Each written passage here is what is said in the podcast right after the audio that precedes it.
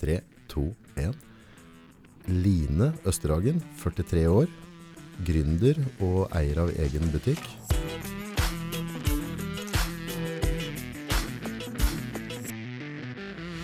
Velkommen til Nordboden. Takk. Någen Line. Kan du fortelle oss litt sånn kjapt, hva er det du jobber med, og hvordan ser hverdagen din ut? Hverdagene mine er eh, veldig variable, heldigvis. Eh, jeg jobber med fysikalsk behandling av eh, hest og hund. eh, og driver en skole som utdanner andre i å gjøre det samme. Nå har jeg redusert litt på hvor mye jeg jobber eh, direkte med dyra de siste åra. Rett og slett fordi det er så stort behov for å forandre andre å lære å gjøre det samme som meg. Så det er eh, det jeg driver med. I tillegg så har jeg også en del online kurser for hesteeiere og hundeeiere som vil lære seg mer om det fysiske, trening, kroppen på hesta og hundene sine, uten at de nødvendigvis blir terapeuter av den grunn. Da. Jeg har jo fulgt litt med deg, både på sosiale medier og, og ellers, og du har ganske travle dager, og du har jo oppnådd vanvittig mye da, på, på de åra du har drevet på. Kan du fortelle litt om reisa til dit du er nå i dag? For du, du var vel ikke født hesteterapeut? Nei, langt ifra. Jeg hadde jo Jeg har alltid hatt en forkjærlighet for dyr. eh, til kanskje foreldrene mine sin store frustrasjon til tider òg.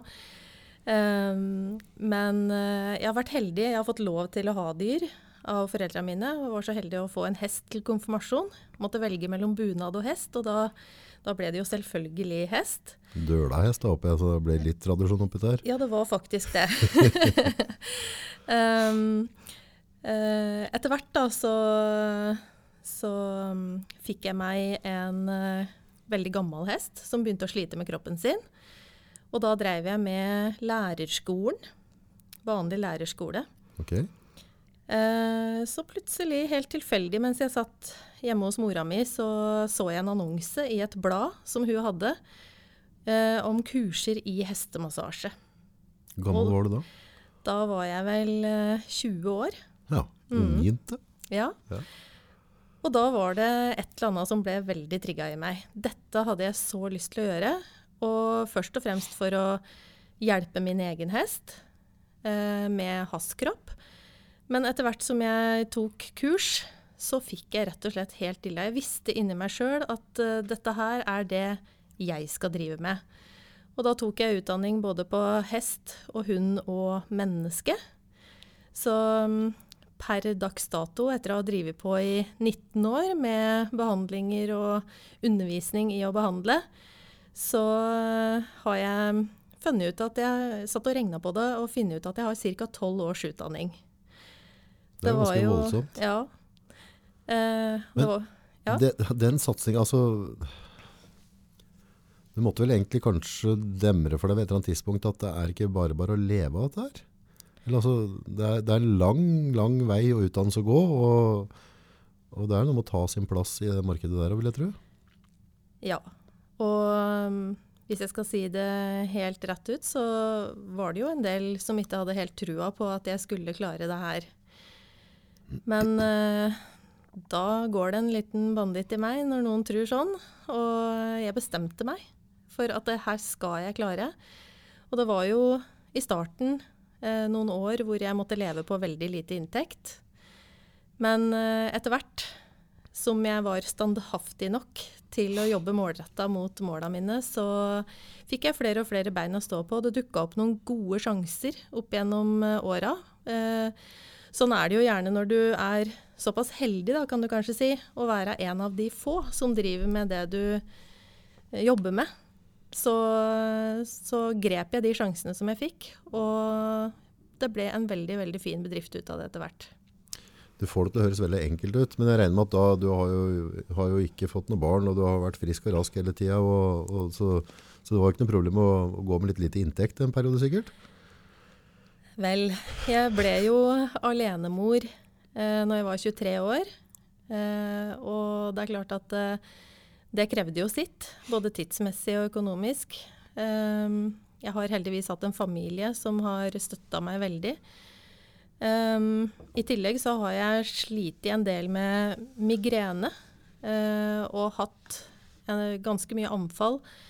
Men uh, jeg skulle gjøre det, og jeg har stått på å gjøre det jeg har hatt lyst til uansett. nå har jeg heldigvis blitt bedre og bedre. Heldigvis så kommer det flere og flere behandlingsmetoder, så per i dag så er jeg veldig, veldig i god form.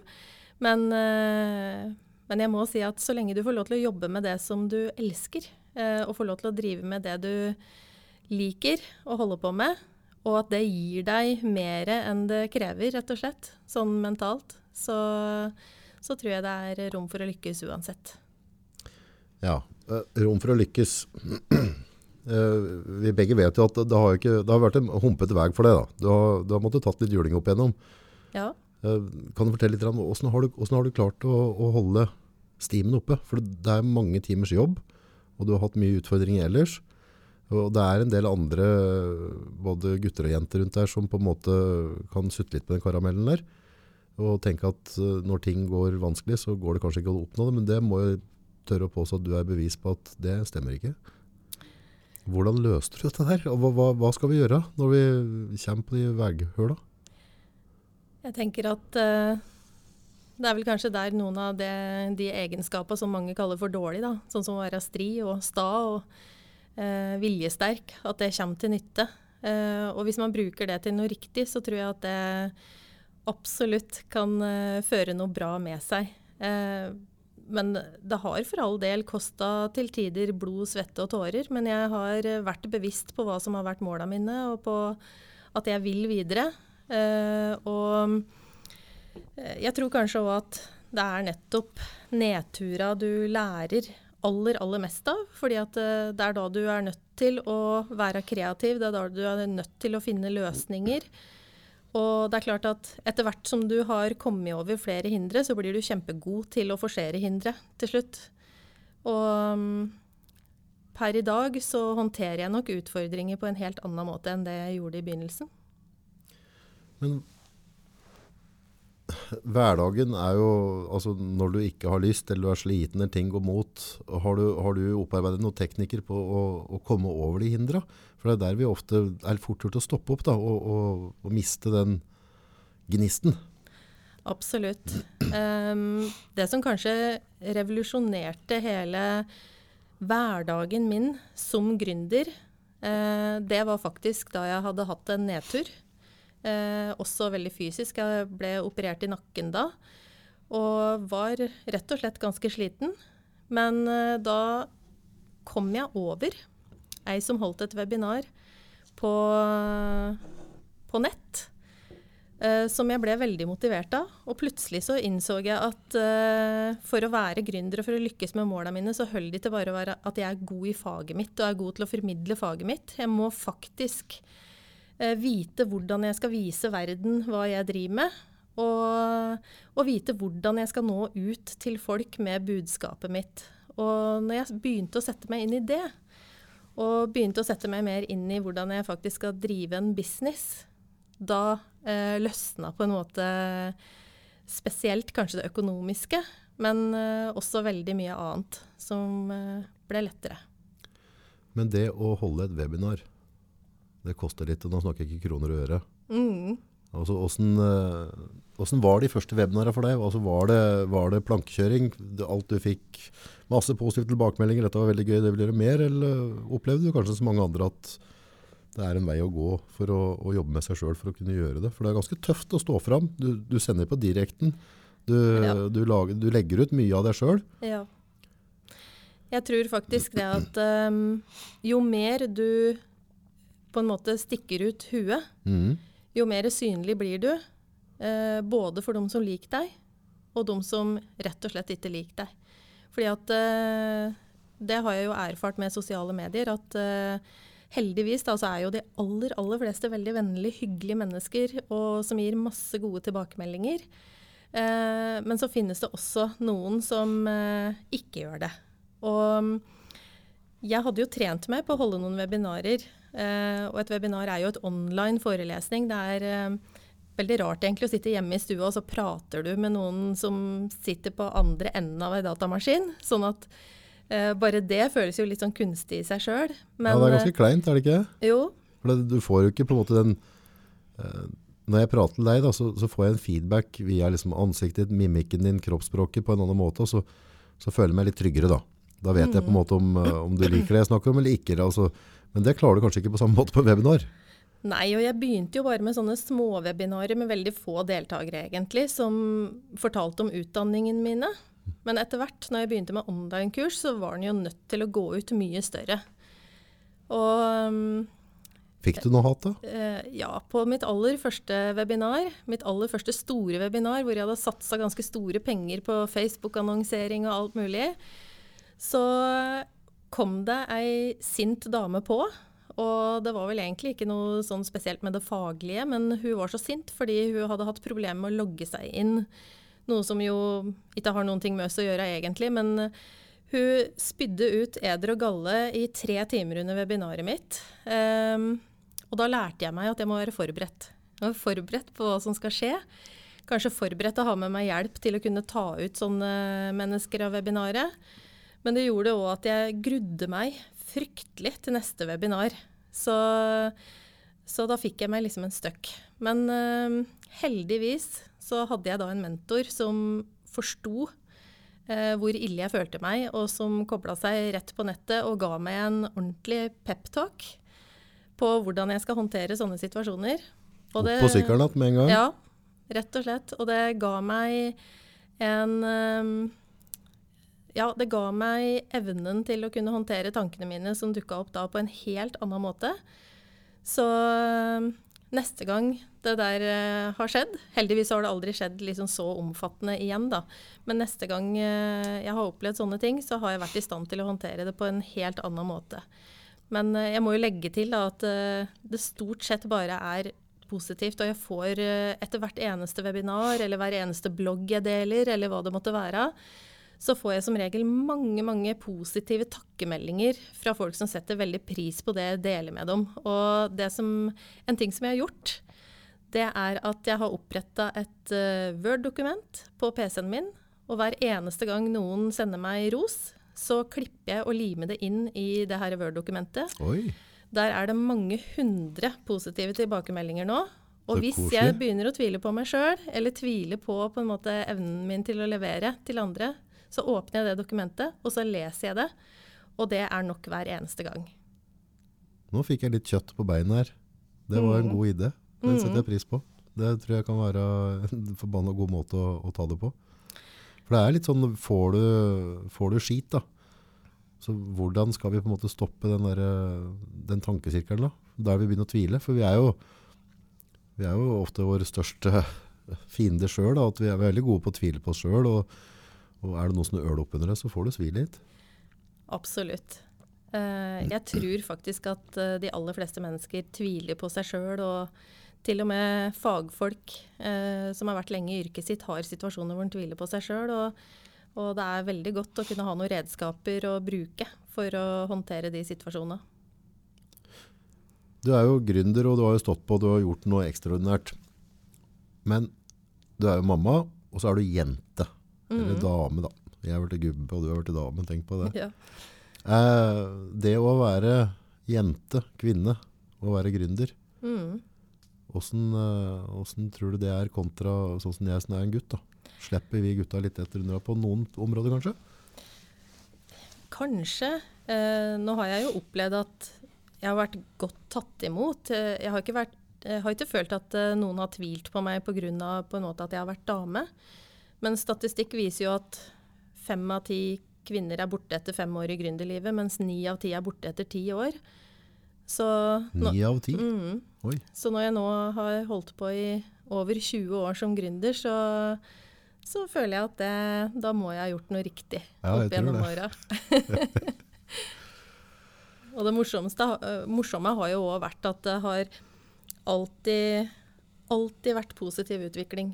Jeg har aldri hatt på en måte tilbakefall i utviklinga på firmaet mitt, verken praktisk eller økonomisk. Det har alltid gått ett steg fram for hvert eneste år, og det er, det er jo det som er målet mitt. Jeg, jeg er fryktelig bevisst på alle måla mine. Jeg har ti hovedmål hvert eneste år, og de henger på en stor eh, sånn flip-over-ark på kontoret mitt. Eh, og det er veldig fort gjort å på en måte miste fokuset fra det som skal være måla. Jeg tror det er der mange går i fella, at det blir så mange fokus at du kanskje mister litt grepet på det som hadde vært viktigst for firmaet. Så jeg eh, begynner alltid med måla mine først, sluttmåla. Bruker en metode som heter re-engineering. Mm. Starter med det som må være resultatet, og så bryter jeg det ned i ti hovedmål.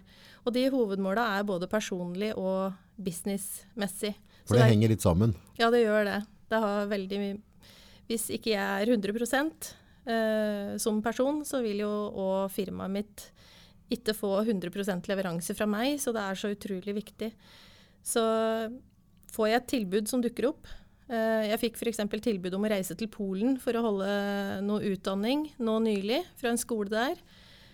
Og det jeg gjorde da, var at jeg kikka opp på måla mine for dette året her. Og så spurte jeg meg sjøl vil dette her ta meg til det som er måla mine, eller vil det bare forstyrre meg fra å nå de måla? Og fordi svaret er nei, det vil ikke bidra til å ta meg til de måla, så sa jeg nei. Og det er klart, det er det det består litt av etter hvert som du kanskje begynner å At det begynner å gå bra, da. At du får såpass mye tilbud som er fristende å ta, men uh, hvor du må være litt streng og følge måla. Ja, for fristelser er det nok av. Eh, ja. Det er mye som er gøy. Ja, Ja. det er det, vet du. Men uh, er, du, er du bevisst på en måte på jobb og fritid og, og egenhelse, både fysisk og mentalt? Har du noe, er det en bit av den, den, eh, de ti buda som henger på tavla di? Ja, det har blitt det etter hvert.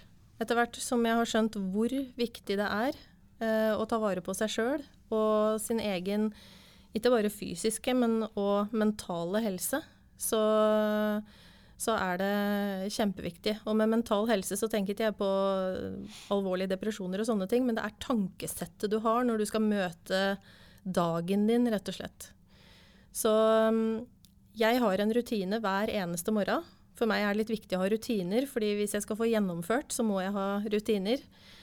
Og en av de viktigste rutinene mine, det er at jeg har ei bok. Og i den boka så er det ikke bare en to do-list med alt jeg skal gjøre den dagen, men jeg skriver ned eh, f.eks. hva jeg ville ha sagt til meg sjøl den dagen hvis jeg var coachen min. Hva som skal være mitt motto for dagen. Eh, hva slags eh, situasjon i den dagen som jeg kan bli glad og eh, oppskjørta av. Eh, hvilken situasjon i løpet av dagen som kan bli en utfordring for meg. Og jeg skriver også ned åssen jeg har tenkt å håndtere den utfordringen hvis den dukker opp. Så jeg prøver å preparere meg med det riktige tankesettet før jeg setter i gang dagen i det hele tatt. Og selv om det er vanskelig, det har vært vanskelig for meg i hvert fall å ikke åpne e-posten, ikke åpne SMS-er eller noen ting før jeg gjør noe annet. Så du gjør det før du gjør noe som helst? Ja, det er så viktig, fordi at da har jeg det riktige mindsettet å møte dagen med. Og møte Hvis jeg får en negativ mail da, den dagen, da har jeg allerede preparert meg til åssen jeg skal håndtere det. Og det gjør det faktisk mye lettere. Og så er det en, en viktig rutine til, og det er at uh, på kvelden så evaluerer jeg dagen. Og hvis jeg ikke evaluerer dagen, så får jeg jo heller ikke lært av de tinga som har dukka opp. Så det er veldig viktig for meg å kjøre en eh, evaluering på det som har skjedd i løpet av dagen. Hvor lang tid bruker du på dette på morgen og kveld, da, tror du, sammenlagt? 30 minutter, kanskje. Totalt. Mm, Det er vel andet til 30 minutter? eller? ja, absolutt. Svikter du noen ganger at du ikke at du skipper det? Absolutt. Hvordan håndterer vi det? Nei, da er det bare å tilbake. Det er ikke noe vits i å dvele ved at en ikke fikk gjort det en eller annen dag. Og det er klart, er du på reise en dag, må reise klokka fem om morgenen, rekker det kanskje ikke. Det kan jo skje ting i livet rett og slett, som dukker opp. Kanskje en av unga blir veldig syk i løpet av natta og må på legevakta, og det ikke er rom for det. Men jeg klandrer aldri meg sjøl for å ikke gjennomføre det. Da bare begynner jeg på'n igjen på neste dag igjen. Og så får man justere planen sin for uka ut ifra det. Hvor mange barn har du? Tre. Tre barn. Mm. Hvordan er det å være familien til dine? Det, har, det tror jeg faktisk eh, kan være tøft. Ja, Mm. På hvilken måte da? Eh, Jeg tror faktisk at det er en del menn som ikke hadde håndtert å være sammen med ei dame som har så mye ambisjoner og så mye mål, eh, så mye jern i ilden. Kanskje er så viljesterk. Eh, er du kranglete hjemme? Nei. Jeg vil ikke si at jeg er kranglete, men, men jeg har mine ting som jeg må gjøre. Og jeg har heldigvis en mann som skjønner hvor viktig det er. Jeg tror kanskje i starten så trodde han at min bedrift var mer en hobby enn en virkelig, en virkelig noe å leve av. Men han har jo skjønt nå at uh, sånn er det ikke i det hele tatt. Det her er uh, på alle måter en, uh, en mye mer enn en full jobb ofte. Og er utrolig flink til å støtte meg. Og jeg tror at uten at han hadde vært der og støtta meg sånn som han har gjort, med unga og hele pakka, så hadde det ikke vært mulig å nå de måla. Så den æra må han bare få. Jeg har jo heller ikke hatt permisjon etter fødsel med de to siste unga mine. Det har jo han tatt, sånn at han kan være med meg og passe unga mens jeg holder kurs. Sitte på gangen med dem hele dagen mens jeg holder kurs, f.eks. Sånn at jeg kan gå ut og amme og å ta med til babyen, for jeg ville jo ikke være separert fra mine nyfødte barn. Så han reiste sammen med meg overalt og hjalp meg eh, slik at jeg kunne få fullført min jobb likevel. Lukter en gullmedalje i horisonten her, eller? Ja, han fortjener, fortjener virkelig en gullmedalje. Mm. Nå som unga er større, jeg regner med at du har sikkert gjort noen tanker på en måte hvordan du ønsker å ivareta dem, og, og den biten. Hvordan løser du det på en måte i en sånn det krever veldig mye fokus av det du driver med. Det krever veldig mye av deg og av den mentale styrken din. Du, en mor betyr veldig mye for barna sine. Mm. En veldig viktig bit. altså Du kan si hva du vil om mannfolk og kvinnfolk, men en mor er en mor. Mm. Og dere har på en måte en helt sånn unik posisjon overfor barna deres. Hvordan har du grepet den balansen der, med at du gir så mye til jobben samtidig? Eh, jeg har veldig klare rutiner på når vi skal gjøre ting sammen med unga.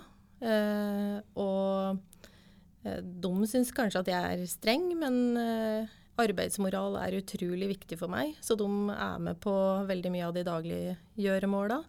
Vi gjør mye ting sammen, men jeg tenker det at den tida vi skal ha sammen, den skal være ordentlig kvalitetstid.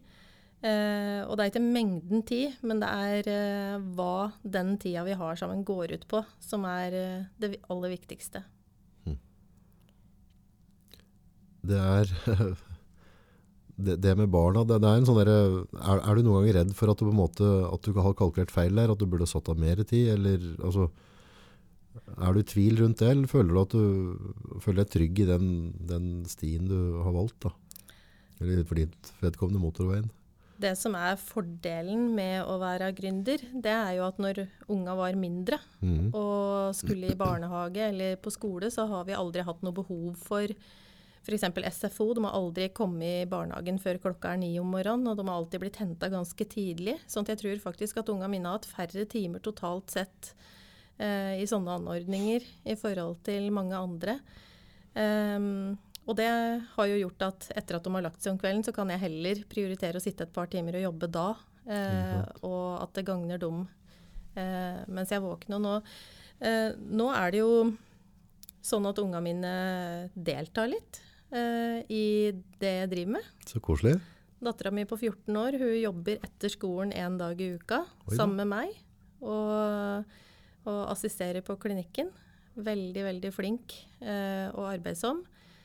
Um, og den eldste dattera mi har også deltatt en del etter, eh, etter hva som har passa, da. Mm. Med å jobbe for firma. Så jeg tror faktisk at det, det å tørre å følge drømmene sine, og det å være et stå-på-menneske, og det å ha evnen til å gjennomføre sjøl når ting går en imot, og sjøl når en kanskje til og med øh, føler kanskje at den burde prioritert annerledes, det er å være et godt forbilde i mine øyne. Mm. Og det håper jeg at jeg har vært for mine unger. Så bra. Mm. På, altså, det er jo blod, svette, tårer. Er, sånn er det å være gründer. I, altså, i, i hovedsaken av tilfellene. Hva er oppsida med å få lov til å drive med det du driver med? Hva, hva gir det som deg som menneske, Line? Eh, det gir meg så mye at eh, det kunne jeg sikkert ha snakka om i en time. Så bra. Men, eh, men det er klart at ideologien bak det jeg gjør, har jo alltid vært min kjærlighet til dyr. Mm. Og det overordna målet mitt, eh, eller visjonen min med det hele, det er å bidra til å gjøre verden til et bedre sted for eh, hester og hunder. Spesielt, eh, men også alle dyr. Og mm, når du kan se på en måte den gleden og ikke bare dyret, men du ser jo eieren nå, ikke sant? fordi dyret er jo barnet, eller mm. gullklumpen til, eh, til eieren sin. Og når du ser da at uh, du har dyr som har vondt, dyr som uh, ikke kommer seg igjen etter operasjoner og sånne ting, og så ser du det at du kan hjelpe dem tilbake på plass, hjelpe dem tilbake til et uh, liv med kvalitet, det er helt fantastisk. Og det er jo andre ting òg, sånn som å få gode resultater i konkurranser. Det å få styrka opp de riktige delene av kroppen, sånn at de kan yte bedre. Og eh, forebygge at de får plager av det de driver med i det hele tatt. Eh, det er jo mye av det takkemeldinger jeg får, går ut på. Eh, jeg fikk jo en her om dagen hvor det var ei som har vært med på et styrketreningskurs med hunden sin, og den har halta konstant i flere år. Og etter at hun gjorde de riktige styrketreningsøvelsene, så har hunden slutta å halte. Og bare én eneste sånn eh, tilbakemelding, det kan jeg leve utrolig, utrolig lenge på. Men så er det jo òg de menneskene, det å hjelpe andre til å kunne hjelpe dyr. Du får jo på en måte nådd ganske mange flere dyr, da. Så lenge du gir kunnskapen din til andre som også kan praktisere det samme som deg. Eh, så det er liksom måten min å nå ut kanskje til enda flere dyr på. Mhm. Eh, og hjelpe folk til å kunne leve av noe som de drømmer om å leve av, som føler det samme for dyra som meg. Og i skolen så har vi oppretta en sånn ordning, sånn at alle elever de donerer 100 kroner fra de 40 første praksisbehandlingene sine til veldedige organisasjoner som eh, tar vare på dyr som enten har blitt eierløse, eller eh, i andre land hvor, hvor eierne rett og slett ikke har råd til å gi dem veterinærhjelp. Da. Så vi donerer ganske store summer via elevene hvert eneste år, og hjelper veldig, veldig mange dyr via den ordningen. Da. Så det er bare en av de tinga som vi har fått på plass som liksom er en sånn biting av det hele. Men du møter jo veldig masse mennesker, Mm. Uh, mye kunder. Altså, bygger du veldig sterke bånd rundt omkring i hele Norge? Altså, du, du, du er jo du er jo med på det og hjelper dem med dems kjæreste, da, altså det, dyra dem. Det må være ganske spesielt, for du, når jo Du er jo i en viktig fase av manges liv da, når dyra deres er syke og du er med å hjelpe til der. Ja, det må jeg si. Eh, det har vært både tårer og latter, egentlig. Spesielt på klinikken, hvor jeg møter folk personlig, selvfølgelig. Det er jo eh, de næreste forholda. Og vi hadde jo en uh, sånn runde hvor vi uh, hvor vi fikk hjelp til å få litt tilbakemeldinger fra eiere. Og jeg, jeg ble så overraska over hvor mye eierne uttrykte at det betydde for dem da, å komme til klinikken vår med hundene sine. Og det, det betydde veldig mye for meg. Det var, det var mer enn jeg hadde trodd. Det er litt koselig da. Det er veldig, veldig koselig. Få en liten klapp på skuldra. For det er ikke, altså, som gründer, det er, det er ikke så mange som klapper en på skuldra innimellom. Det er, det er mye, mye slit. Det er veldig stas de gangene han får noe til, på, positivt tilbake. Sånn, da. Absolutt. Og det har jo vært en jobb å gjøre med å i det hele tatt gjøre det kjent at det finnes sånne ting på dyr. Eh, Da jeg starta for snart 20 år siden, så var vel jeg kanskje terapeut nummer tre eller noe sånt i Norge på hest. Og de fleste trodde jo kanskje at vi klappa dyra, eller liksom nærmest at det var mer for spa-funksjonens skyld, da. Så det å jobbe innstendig mot, det å få holde foredrag, drive med informasjon, fremme, gjøre eiere bevisste på det, det har jo vært ei bane som en må gå, ikke bare for seg sjøl, men også alle de andre som nå etter hvert får utdanning. Og I begynnelsen så fantes det jo ikke forsikringsordninger for, eksempel, for uh, terapeuter. Det klarte jeg å få på plass. uh, sammen med Gjensidige som det første forsikringsselskapet. Nå har jo alle det som en selvfølge. Mm. Det fantes ingen journalprogrammer for andre enn veterinærer. Uh, og jeg tok kontakt med et av de mest kjente journalprogrammene på mennesker. Mm. Og spurte om jeg kunne få lov til å hjelpe dem med å lage en versjon på dyr. Mm. Eh, sånn at det vi fikk på plass et eh, eh, Ja, rett og slett et lovlig og funksjonelt journalsystem for dyr. Og fikk ja, så vi fikk jo på plass det. Så det har vært mye sånn eh, mange jorder å pløye på en måte for å få alt eh, inn i et så bra system som mulig. Men nå er det jo sånn at forsikringsselskapene til og med dekker rehabilitering på dyr. Eh, mange gjør det i hvert fall. Mm. Sånn at eh, det har virkelig, virkelig, virkelig skjedd mye på de, de åra her, altså. Spennende. Apropos skje mye. Hvis du får velge fra øverste hylle, hvor er, eh, hvor er Line når jeg snakker med om fem år nå? Eh, da er nok jeg enda mer eh, internasjonal, tenker jeg. Mm. Et av de viktigste femårsmåla mine, det er eh, å kunne også spre dette her ikke bare til Norge, men litt mer til verden. Og kanskje spesielt på online-delen. Mm. Vi har allerede oversatt tre online-kurs til engelsk, men vi har ikke på en måte lansert det enda. Så det er et sånn litt mer langsiktig mål som jeg jobber med. Så da får vi hjelp av enda flere dyr. Den reisa du har gjort fra du var eh, jente til nå i dag, den er jo ganske, du har jo lært masse der. eh, og du er en veldig reflektert dame, så du har jo tenkt over hva som har skjedd opp igjennom. Hvis det sitter noen ute og dingler med bena, som jeg pleier å si, på gjerdet, Mm. eh, og tviler litt, og, og har lyst til å starte og vil starte, har du noe råd på veien? Er det noen ting du kunne tenkt deg å, å dele? Jeg tror at uh, det er veldig, veldig smart hvis en vurderer å starte, at uh, en får hjelp fra noen som har gjort det før, og som eh, kan det. Mm. Da kan du kickstarte firmaet ditt ganske mye mer. Så det å få ordentlig hjelp, både til markedsføring og til drift av firma og sånne ting Fordi vi som har eh, sjela lagt i et tema, da, sånn Ja. som f.eks. dyreterapi, vi, vi blir veldig gode på akkurat det. Ja. Men skal du drifte et firma, så må du også kunne de andre tinga med å drifte firma. Så det å få hjelp fra noen som er bedre enn seg, rett og slett, til eh, akkurat den biten i startfasen, det er kjempeviktig.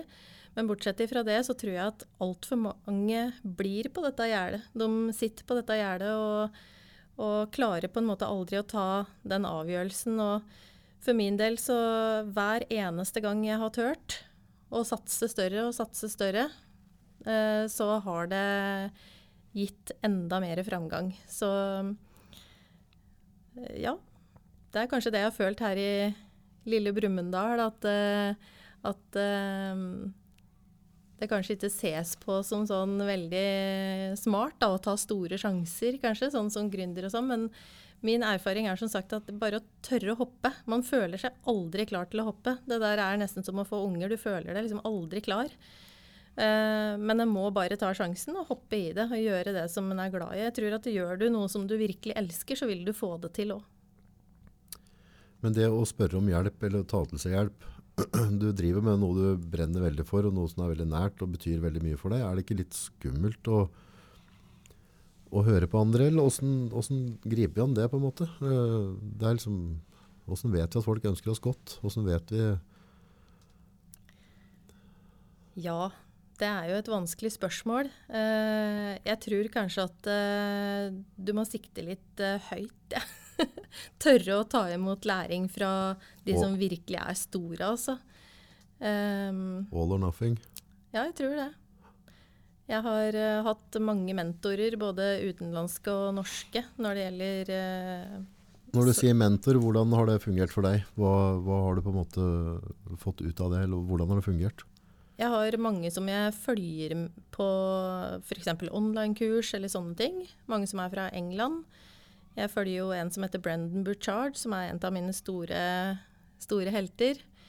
Eh, og Gary Wee er jo en eh, Han er rocker, Ja, han er jo popstar. veldig stilig fyr. Eh, som jeg følger. Ellers så har jeg også noen eh, coacher som eh, driver med business coaching, som eh, gir meg mer personlig hjelp da, med de tinga som jeg trenger å få forbedra. Sånn som å gi tilbakemelding på uh, salgsdelen uh, i et webinar og sånne ting. Ja, så hva, hva, du ofte, hva bruker du coacher til? Hva, hva, nord, altså det, det skjønner jeg ikke noe normalspørsmål, men hvilken støtte bruker du dem til da? En coach? Hvem, når er det du lener deg til coachen? Um, er det mer sånn, er det på mentalt, eller er ja, det på mer å drifte? Det var det jeg skulle til å, å, si, at egentlig så er det kanskje like mye på det mentale. Fordi det å, det å selge, da, det er ganske mentalt, i hvert fall for meg. Voldsomt. Eh, jeg er jo dame. Jeg er en eh, beskjeden person sånn sett når det gjelder bl.a. dette der med å ta betalt. Eh, og det tror jeg mange Kanskje det er en av grunnene til at mange damer ikke klarer seg så godt som gründere. Og det er fordi man får nesten dårlig samvittighet. Man tenker at det, å nei, så mye er ikke kurset mitt verdt og så mye er ikke mye oppfølging verdt. Og den tar, med, tar seg kanskje altfor lite betalt. Så det å få trening på ikke få dårlig samvittighet på å ta seg godt betalt og eh, liksom stole på at den kompetansen du gir, den er verdt de penga som eh, folk betaler, det er eh, ting jeg måtte jobbe med. Men det er klart det er alltid fra, fra praktiske ting til du, hva slags program du skal velge når du holder et webinar, til eh, hvordan du skal håndtere hatere. Altså alle mm. ytterpunkter. Ja, for Så, der kan det godt å ha noe å støtte seg på. Og noe av det første, første, Min aller første coach, som het Gry Sinding, hun sa til meg fordi eh, den gangen så var jeg vel ganske sånn eh, kjørt sjøl. Eh, både sliten og dårlig. Hun sa det til meg at eh, Line, det første du må ta tak i, det er ikke bedriften din. Det er deg. For hvordan i huleste skal du eh, klare å gi 100% til dine kunder hvis du bare går på halv maskin sjøl? Og det ga meg liksom en sånn aha-opplevelse. Så noe av det første jeg gjorde når vi snakker om dette med å tørre å spørre om hjelp, det var jo på et litt mer sånn personlig plan, da, men mm. da måtte jeg rett og slett eh, spørre de rundt meg om å hjelpe meg, sånn at jeg kunne klare å komme meg sjøl ovenpå. Eh, og eh, klare å gjennomføre de planene mine som skulle til for at jeg skulle lykkes. Men da er det noe, Skal du få hjelp av andre, da, så må du jo klare å selge inn de planene til dem rundt deg òg, som de har trua på det. For det er, det er jo kanskje ikke så lett for dem rundt deg å hjelpe til hvis de på en måte kanskje ikke er helt enig i satsinga, eller uh... Nei, da jeg gikk inn på dette første coachingopplegget mitt, mm. eh, da var nok eh, de rundt meg litt i tvil. Mm. Men når jeg da i løpet av det første året dobla omsetninga mi på ett år, mm. da fikk de trua. Da fikk de trua. Cash is king. Ja, så det, den første investeringa jeg gjorde, den, den kosta ca. 10 000. Og det var veldig mye penger for meg akkurat da. Ja. Og året etter, da gjorde jeg en investering på 100 000. Og Oi. det sier litt om, eh, hva, ja, om hva det egentlig ga. Det er verdt penga? Det er verdt penga, altså. Jeg har fått det tilbake i fordoblinger mange, mange ganger. Så det å betale for å få riktig hjelp og mental støtte òg, rett og slett, i prosessen. Fordi det er tøft. Eh, det er liksom en liten berg-og-dal-bane når du skal sette i gang med nye prosjekter og, og, kanskje bevege deg over på litt sånne nye ting innafor firmaet og sånn òg. Så eh, det har vært alfa og omega for meg. Og selv om det høres ut som store penger, så, så har det mangedobla min innsats hver eneste gang. Det har aldri feila. Så jeg legger mye En god del av budsjettet rett og slett over på å få proff hjelp. Mm. Det høres veldig fornuftig ut. For dem som kunne tenke seg å jobbe med det samme som deg, da, jobbe med dyr og sånn, eh, hvor stor er sjansen for å få lykkes der, hvis de har det som trengs og er villige til å legge ned timene? Er det et marked der? Ja, det er det absolutt. Det er klart at Norge er jo variabelt. Så bor man på ei øy med tre hester og tenker å bli hesteterapeut, så, så sier det seg jo sjøl. Men det finnes vel knapt nok en som driver aktivt med hest i dag, som ikke har en eller annen terapeut som er innom eh, hesten i løpet av måneden. Og på hund er det jo snart ikke et distrikt som ikke er tilknytta eller har en veterinær eller en separat eh, rehabiliteringsterapeut som jobber med f.eks. etter operasjoner og opptrening, vonde rygger, sånne ting. Og ettersom forsikringa nå også er inne og, og dekker mye av de utgiftene som folk har, så blir det bare større og større. Jeg tror òg at kjæledyra blir kanskje mer og mer ekte familiemedlemmer òg. Mm. Eh, hvis noen hadde vært flue på veggen i stua vår, så er det i hvert fall ingen tvil om hvem som har de største rettighetene i stua Stakkars vår. ungene dine, sier jeg bare. Her. Så det er klart at disse her pelsbarna, som vi kaller dem, da, eh, betyr så mye at eh, Og økonomien generelt sett hos folk er ganske grei. Og har de ikke god nok økonomi, så er det mange eiere som kommer haltende inn sjøl. Og kanskje sårt kunne ha trengt litt grann terapi på sin egen rygg, eller rehabilitering sjøl, men det er bikkja som skal ha behandling, altså. Så det er klart, det er jo herlig bare det å se at noen er så glad i dyra sine. Da. Så da er det, ikke noe, det er ikke noe fare for folk å begynne i det yrket dere driver i. Nei, det tror jeg ikke. Det er klart at det Det er ikke sånn at med en gang du er ferdig utdanna, så kan du sette deg rolig i stua og vente på at noen skal ringe på. Nei. Det er da du må få den her hjelpa til å vite hvordan du eh, skal nå ut til kunden. Og veldig mange gjør den generaltabba at de blir på en måte så fiksert på alt og viser fram alt det de kan, at de på en måte glemmer hva slags eh, problemløsning de kan være for kunden. Og for meg så er det hva man kan løse av problemer til kunden, som er det interessante for kunden, og ikke hva jeg nødvendigvis kan. Det kan de gå inn og lese på hjemmesida mi, eller hva det er, hvis de vil utforske meg videre. Så det å få assistanse i å lære seg til å bygge firmaet sitt, eh, det tror jeg er eh, kjempefint. Spennende. Mm, Tusen takk for at du tok deg tid til å komme innom. Bare hyggelig. Så tar vi en runde til litt senere, skal vi høre hvor langt du har kommet. Jeg har litt trua, jeg. Du, du gasser, du. Jeg gasser. Ja, jeg forventer å se det.